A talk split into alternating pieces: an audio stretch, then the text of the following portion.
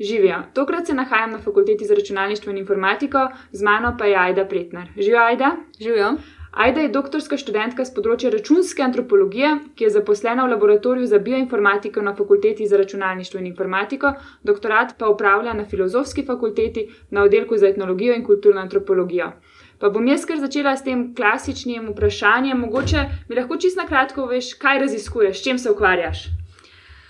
Ukvarjam se v bistvu z nekim presekom družboslovja in naravoslovja. Torej, poskušam razviti novo metodologijo, ki vključuje pristope strojnega učenja in podatkovnega rodarjenja za potrebe antropologov uh, oziroma na antropoloških podatkih. Kako si pa sploh prišla do tega področja? Jaz sklepam, da si ti prej študirala antropologijo, oziroma si bila bolj v družboslovnih humanističnih vedah. Res je, na dodiplomskem študiju sem dokončala antropologijo, na magisteriju sem dokončala mednarodne študije, potem pa me je nekako na ključe zanesla tudi malo v računalniške vode. Torej, mal daljša zgodba pa je, da ko sem zaključila z magisterijem in sem začela iskati prvo službo, uh, sem sedela doma in pisala prošnje bodočim delodajalcem, oziroma potencijalnim delodajalcem. Uh, in ker se je to nekaj časa vleklo, sem rekla, zakaj se ne bi naučila še česa novega. In sem začela se učiti z programskega jezika Python, se malo igrala s programiranjem, in potem sem se pridružila tudi skupini CodeCats, ki je včasih delovala na uh, Kersnikovi ulici.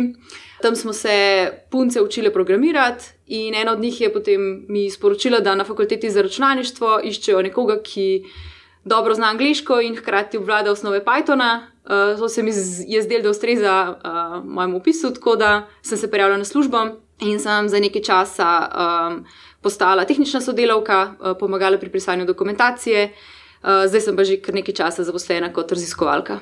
In potem si pa verjetno iz tega, potem te računalniške, si pa nazaj šla do antropologije, ali kako si prišla sploh potem do doktorata, da si začela raziskovati tudi na tem področju, že spet nazaj, bolj v antropološke vode. Ker sem zaposlena na fakulteti, sem skozi imela nekako občutek, da mi manjka še tisti zadnji korak, kar je recimo doktorat. Uh, in sem razmišljala, kaj bi kaj bi, bil pač moj, kaj bi bilo moje raziskovalno vprašanje. In ker sem nekako izšla iz antropologije, sem se potem mogoče hotela tudi malo nazaj vrniti in sem rekla, v redu, kako pa bi lahko zdaj to novo znanje, ki sem ga pridobila na fakulteti za računalništvo, uporabila v antropologiji. In kaj je tema tvojega doktorata? Torej, v doktorski nalogi se ukvarjam predvsem z postavljanjem nove metodologije, predvsem metodološko usmerjena doktorska naloga. Uh, poskušam nekako definirati prednosti in slabosti uh, kvantitativnih in kvalitativnih pristopov, ter kako lahko ob, obe metodologiji nekako združimo v eno celostno um, raziskavo. Uh, konkretno pa uh, v doktoratu tudi to metodologijo uporabljam na uh, primeru pametne stavbe. Torej, z pametne stavbe smo pridobili meritve. Naprimer, uh, prisotnost v prostoru. Te lahko prekinem, tlele. Kaj pa če gremo mi dve samo en korak nazaj, nekako si omenila, da imamo uh, kvantitativne in kvalitativne metode. In jaz bi sklepala, da mogoče v socialni antropologiji, iz katere izhajaš, je večja, večji delež teh uh, kvalitativnih metod. In kvantitativne metode se mogoče, mogoče bolj zdaj pojavljajo, ali so še že prej. Kaj, kaj lahko res? Ta del računalništva prinese zraven. No? Torej, do neke mere so se kvantitativne metode že uporabljale v antropologiji, ampak vedno kot analiza sekundarnega gradiva, oziroma so bile raziskave res m, relativno omejene. Uh, zdaj, z novim dostopom do podatkov, uh, z večjo količino podatkov, ki jih zbiramo, pa so tudi računske metode postale bolj priljubljene. Um, osnovalo se je področje digitalne humanistike, ki je recimo sorodno računski antropologiji in pa tudi računskega družboslovja. Tako da računska antropologija, antropologija je nekaj vmes. Kaj pa lahko kvantitativne metode doprinesejo? Meni se zdi, recimo, predvsem neko drugo perspektivo na, na problem. Kvantitativne metode oziroma analiza podatkov nam omogoča predvsem uh, raziskovanje um, sinhronih fenomenov, torej fenomenov, ki se dogajajo sočasno na različnih lokacijah. Detaljno lahko merimo um, različna vedenja v času. Uh, in pa tudi, recimo, večjo količino uh, vizualnega ali pa tekstovnega gradiva lahko obdelamo sami. Torej, ne samo deset primerov, ampak milijone primerov naenkrat. Ti si omenila, da v bistvu, pa tudi v tvoji dispoziciji, sem prebrala, da en del res namenjaš tem metodološkem delu, se pravi predstavitvi in uporabi teh računskih metod v, v antropologiji. Lahko zdaj gremo mogoče pa kar na ta pametne stavbe, na ta projekt. Pa kaj o tem poveš? Metodologijo, ki jo razvijamo, poskušamo uporabiti na primeru podatkov iz pametne stavbe. Um, senzori uh, zajemamo različne meritve, naprimer uh, prisotnost v prostoru, odpiranje okn, kvaliteto zraka, porabo energije. Uh, in potem vse te podatke uh, poskušamo analizirati s pristopi strojnega učenja, uh, odkriti zanimive vzorce, naprimer uh, nenavadne posameznike ali pa zelo tipične vzorce vedenja. In prek tega v bistvu identificirati uh, zanimive ljudi za nadaljne etnografske, za v bistvu etnografsko raziskavo, uh, in pa tudi postaviti določene hipoteze o vedenju ljudi, ki jih potem preverimo na terenu. Ok, super. In kaj si eh, ti si pametno stavbo? Kaj sploh pomeni pametna stavba? Kaj, kaj vključuje? Govori z nami ali kakšne druge stvari, nekaj senzorje si že omenila, to so potem neki številski podatki, verjetno, ki jih dobiš, ne? E, tako je, ja, mogoče je pametna stavba večkrat pretiran izraz. Gre za stavbo, ki je dobro tehnološko opremljena in ima veliko avtomatiziranih delov. Torej, stavba sama uravnava e, kvaliteto zraka v prostoru, e, senčenje, To je pa mislim, da zaenkrat to, eh, tudi temperaturo, mi pa moramo sami še vedno, ne vem, odpirati okna ali pa prežigati lučino, to še ni avtomatizirano. In potem te podatki se to zbirajo tekom celega dneva, imate kakšne sekvence, določeno obdobje, ko se zbirajo, kako imate to res veliko podatkov, koliko je sploh teh podatkov, jaz si sploh ne znam predstavljati. Mhm, mogoče sem pozabila omeniti, da v bistvu ti podatki se zbirajo v sistemu SCADA, ki je namenjen um, avtomatizaciji samega upravljanja stavbe. Torej, to niso podatki, ki jih mi zbiramo samo za potrebe projekta, ampak se zbirajo že tako ali tako, uh, zato da stavba funkcionira. Teh podatkov je res velik, mi jih imamo za trenutno za nekaj tri leta. Meritve se določene upravljajo na dve uri, določene pa tudi vsako sekundo. Uh, tako da lahko v bistvu res zelo detaljno pogledamo različna vedenja in različne vzorce. In potem, kot si omenila, pa kot sem tudi videla v enem tvojem uh, prispevku, ki si mi ga poslala, potem iz teh podatkov nekako res ven izluščite neke zanimive, zanimive vzorce in neka vedenja ljudi. Kaj pa potem antropologija zraven prinese k tej razlagi, kaj se dogaja ali kje vstopi? Torej, tipično nam podatkovna analitika odgovori na vprašanje, kaj, kdo in kje, uh, nikakor pa ne more odgovoriti na vprašanje, zakaj. Um, torej, z antropologijo potem preverimo, če te naše, naše vzorci uh, sploh držijo uh, in pa zakaj, kaj je motivacija ljudi uh, za temi njihovimi dejanji. Torej, zakaj te stvari delajo, jih delajo nezavedno ali zavedno, in pač to vse skupaj postavimo v nek širši družbeni kontekst, kjer se podatki generirajo. A potem, ko obvestite vse te uporabnike in uporabnice teh uh, pametnih uh, stavb o tem, kaj ste izvedeli in zakaj vas nekaj zanima, imajo tudi oni kakšen pogled v to vaše raziskovanje, oziroma se jim to zdi zanimivo, se jim ne zdi, zakaj se jim zdi zanimivo. Nekakšna ideja etnologije, etnografije um, je, da v bistvu se vračamo na teren uh, k svojim sodel, sodelujočim uh, v raziskavi. Uh, in jim tudi v bistvu prenesemo nazaj podatke, tako da je vsak v bistvu z mano tudi pogleda rezultate, ki jih odkrijemo, in potem se pogovarjamo o tem. Večini je kar zanimivo, in kar je, mislim, sama analiza jim je dokaj zanimiva, ker vse je, gre za ljudi, ki um, pač so upleteni v to raziskavo na nekem dosto osebnem nivoju, torej sami, sami generirajo te podatke. Uh, ampak kar je pa še bolj zanimivo, so pa v bistvu njihove zgodbe, kako se oni borijo v bistvu proti pametni stavbi.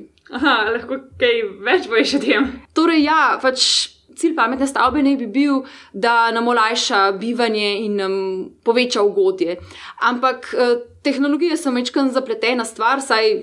V letu 2019, uh, in včasih gre kaj narobe. Uh, naprimer, um, te, ta naša senčila, ki jih imamo v tej stavbi, so zelo muhasta uh, in noben še ni uspel ugotoviti, uh, kako delujejo, po kakšnem principu in kdaj senčijo in ne. Uh, in vsi so rekli, da jih to blazno moti in da uh, bi radi sami upravljali senčili.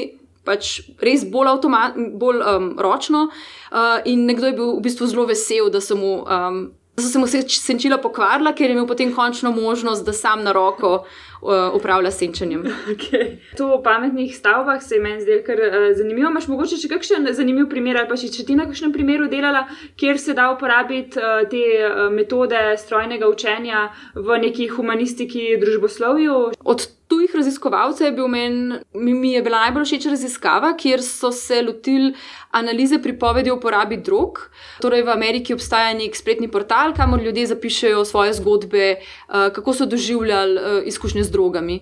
Potem so oni v bistvu z analizo besedil um, postavili um, mreže, so pojavi, pojavitev besed in so lahko raziskovali, kako, v kakšnem kontekstu se pojavlja določena droga. Naprimer, ekstazi so odkrili ne povsem nepričakovano, je povezan z besedami kot so zabava, um, žur, um, ples in tako naprej.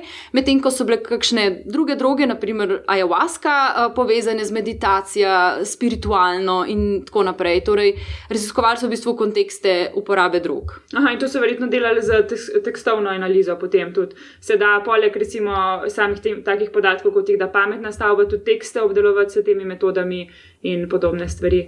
No, zdaj, ko smo ravno prišli prek teh drug na analizo besedil, sem videla, da v drugem delu v dispoziciji pa tudi nekaj o tem počneš. Uh, ja, torej tudi v okviru um, predmeta. Um, Obdelava naravnega jezika, uh, se ukvarjam z analizo oziroma nekako avtomatsko analizo ali pa polavtomatsko analizo transkriptov intervjujev. Torej, eh, v antropologiji veliko delamo z intervjuji, to je precej pogosta metoda in običajno tudi te intervjuje transkribiramo. Torej, teh podatkov potem je kar nekaj. Veliko ur pogovora se zapiše v obliki besedila, in jaz poskušam ugotoviti, uh, oziroma celo napisati program, ki bi uh, sam nekako uspešno posegmentiral oziroma ločil dele besedila po temah, in potem bi lahko prek teh uh, segmentov um, v bistvu združeval sorodne kose iz različnih intervjujev med sabo. Torej, recimo, da govorimo o temi prižiganja luči, in če se to pojavi v različnih uh, besedilih, bi program avtomatsko zajel. Specifično za vsak intervju, kje se govori o lučeh, in potem to združil iz različnih intervjujev v eno celostno temo prižiganja luči. Ampak jaz si predstavljam, da je to, kako se pa tega sploh lotiš, ker pač, da govori o neki temi, to mora potem računalniški program že v bistvu skoraj vsebino poznati te, teh nekih odstavkov, ker to ni samo pač prepoznava določene besede v, znotraj. Kako, kako, kakšna je metoda? torej, za analizo besedil um, obstaja več različnih metod. Um, za začetek, oziroma najbolj preprosta, ki jo bomo uporabljali, je kar vreča besed. Torej, uh, preštejemo frekvence pojavitev besed. Uh, običajno so te besede tudi normalizirane, torej korenjene ali pa pač postavljene v neko bolj splošno obliko, zato da jih lažje primerjamo med sabo in potem zračunamo. Um, Razdaljo med različnimi kosi besedil na podlagi te vektorske predstavitve. Torej, um, frekvence besed so zapisane v obliki nekega vektorja, in potem preprosto računamo kosinusno razdaljo med vektorji, in bliže, ko ste si uh, besedili, bolj ste si v principu podobni. Hmm, ok, zanimivo. Kako si rekla, vreča besed? Vreča besed, bag of words v angleščini. Um, še eno vprašanje, glede na to, so to intervjuje v slovenščini ali v angleščini? Uh, intervjuji so v slovenščini, kar predstavlja dodatno težavo. Ja, lažje, so določeni jeziki, ki jih je lažje analizirati s, s metodami strojnega učenja, pa drugi, ki jih je teže in kako je slovenščina tukaj? Absolutno bi bila v prednosti, če bi imela uh, intervjuje v angleščini, ampak um, ker delam to tudi za potrebe našega oddelka, um, sem rekla, da bo se bom lotila intervjuja v slovenščini. Torej, problem je predvsem v tem, da ni še razvitih dovolj uh, jezikovnih tehnologij, ki bi omogočale zelo hitro in enostavno obdelavo jezika.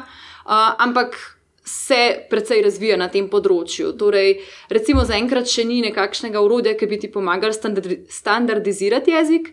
Uh, torej, ko se pogovarjaš z, z ljudmi, je jezik precej nestandarden, slengovski izrazi ali pa kakšne tujke, pa narečne besede.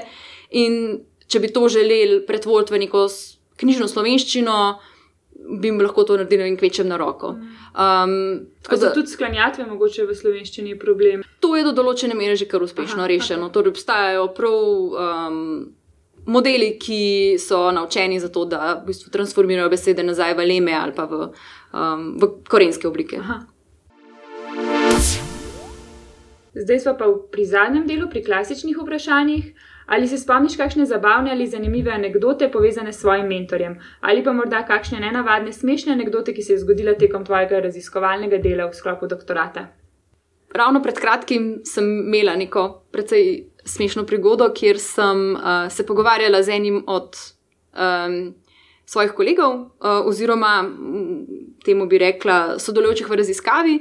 In sem se nekako mal pritoževala, da imam res veliko um, intervjujev, ki jih je potrebno transkribirati in da mi to vzame res veliko časa. In čez en dan sem imela intervju z, z njim.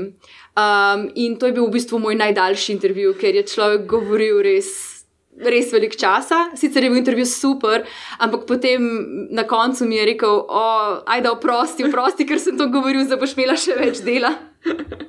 Okay, kako so se od opisa do danes spremenila tvoje pričakovanja glede doktorskega študija in ali bi se ponovno odločila za doktorski študij? Doktorski študij je kot ne zadovoljil moje pričakovanja. Um, določeni predmeti so bili res super in sem se res veliko naučila, je pa predvsej težko kombinirati službo in pa študij, uh, ker sem poleg uh, študija še zaposlena in to zahteva veliko mero predanosti in discipline, da po osmih urah dela, ki priješ domov zmatran, še narediš kaj za doktorat. Ok, bi drugim doktorskim študentom morda predlagali kakšno tehniko za upravljanje s časom ali pa morda računalniški program, ki ti olajša delo in ti prihrani čas? Um, jaz sem osebno zelo navdušena nad programom Mendeley, ki omogoča zbiranje literature, enostavno citiranje in pa označevanje različnih člankov. Um, plus, nekako bi vse povabila, da se mogoče malo spoznajo s terminalom oziroma z. Uh, kot nekateri pravijo, command promptom, uh, ker to resnično olajša določene dele, naprimer kopiranje datotek, uh, preimenovanje, brisanje, iskanje po datotekah, tako da uh, naj se ne borijo črne škatle. Priporočilo za knjigo, igro, film, spletno stran in podcast. Trenutno berem knjigo Knjiga Šifr, Simona Singa gre za poljudno zgodovino kriptografije in kriptografskih metod, in moram reči, da me je res navdušila in je super, zelo zanimivo branje. Um, od spletnih strani sem pa nedavno odkrila Think Theory, uh, Univerze Brown, uh, kjer na interaktiven način preko vizualizacij učijo osnove statistike. Koga od nam znanih ali neznanih bi povabila na večerjo, če ne bi bilo nobenih omejitev? To bi bilo pa gotovo Anna Hasselborg, uh, kapetanka švedske krling ekipe in nedavno olimpijska prvakinja, um, ker tudi sama igram krling in sem v bistvu navdušena nad njeno zbranostjo ob res zahtevnih metih, ko gre za medaljo. Ok, super, hvala, Aida. Hvala tebi.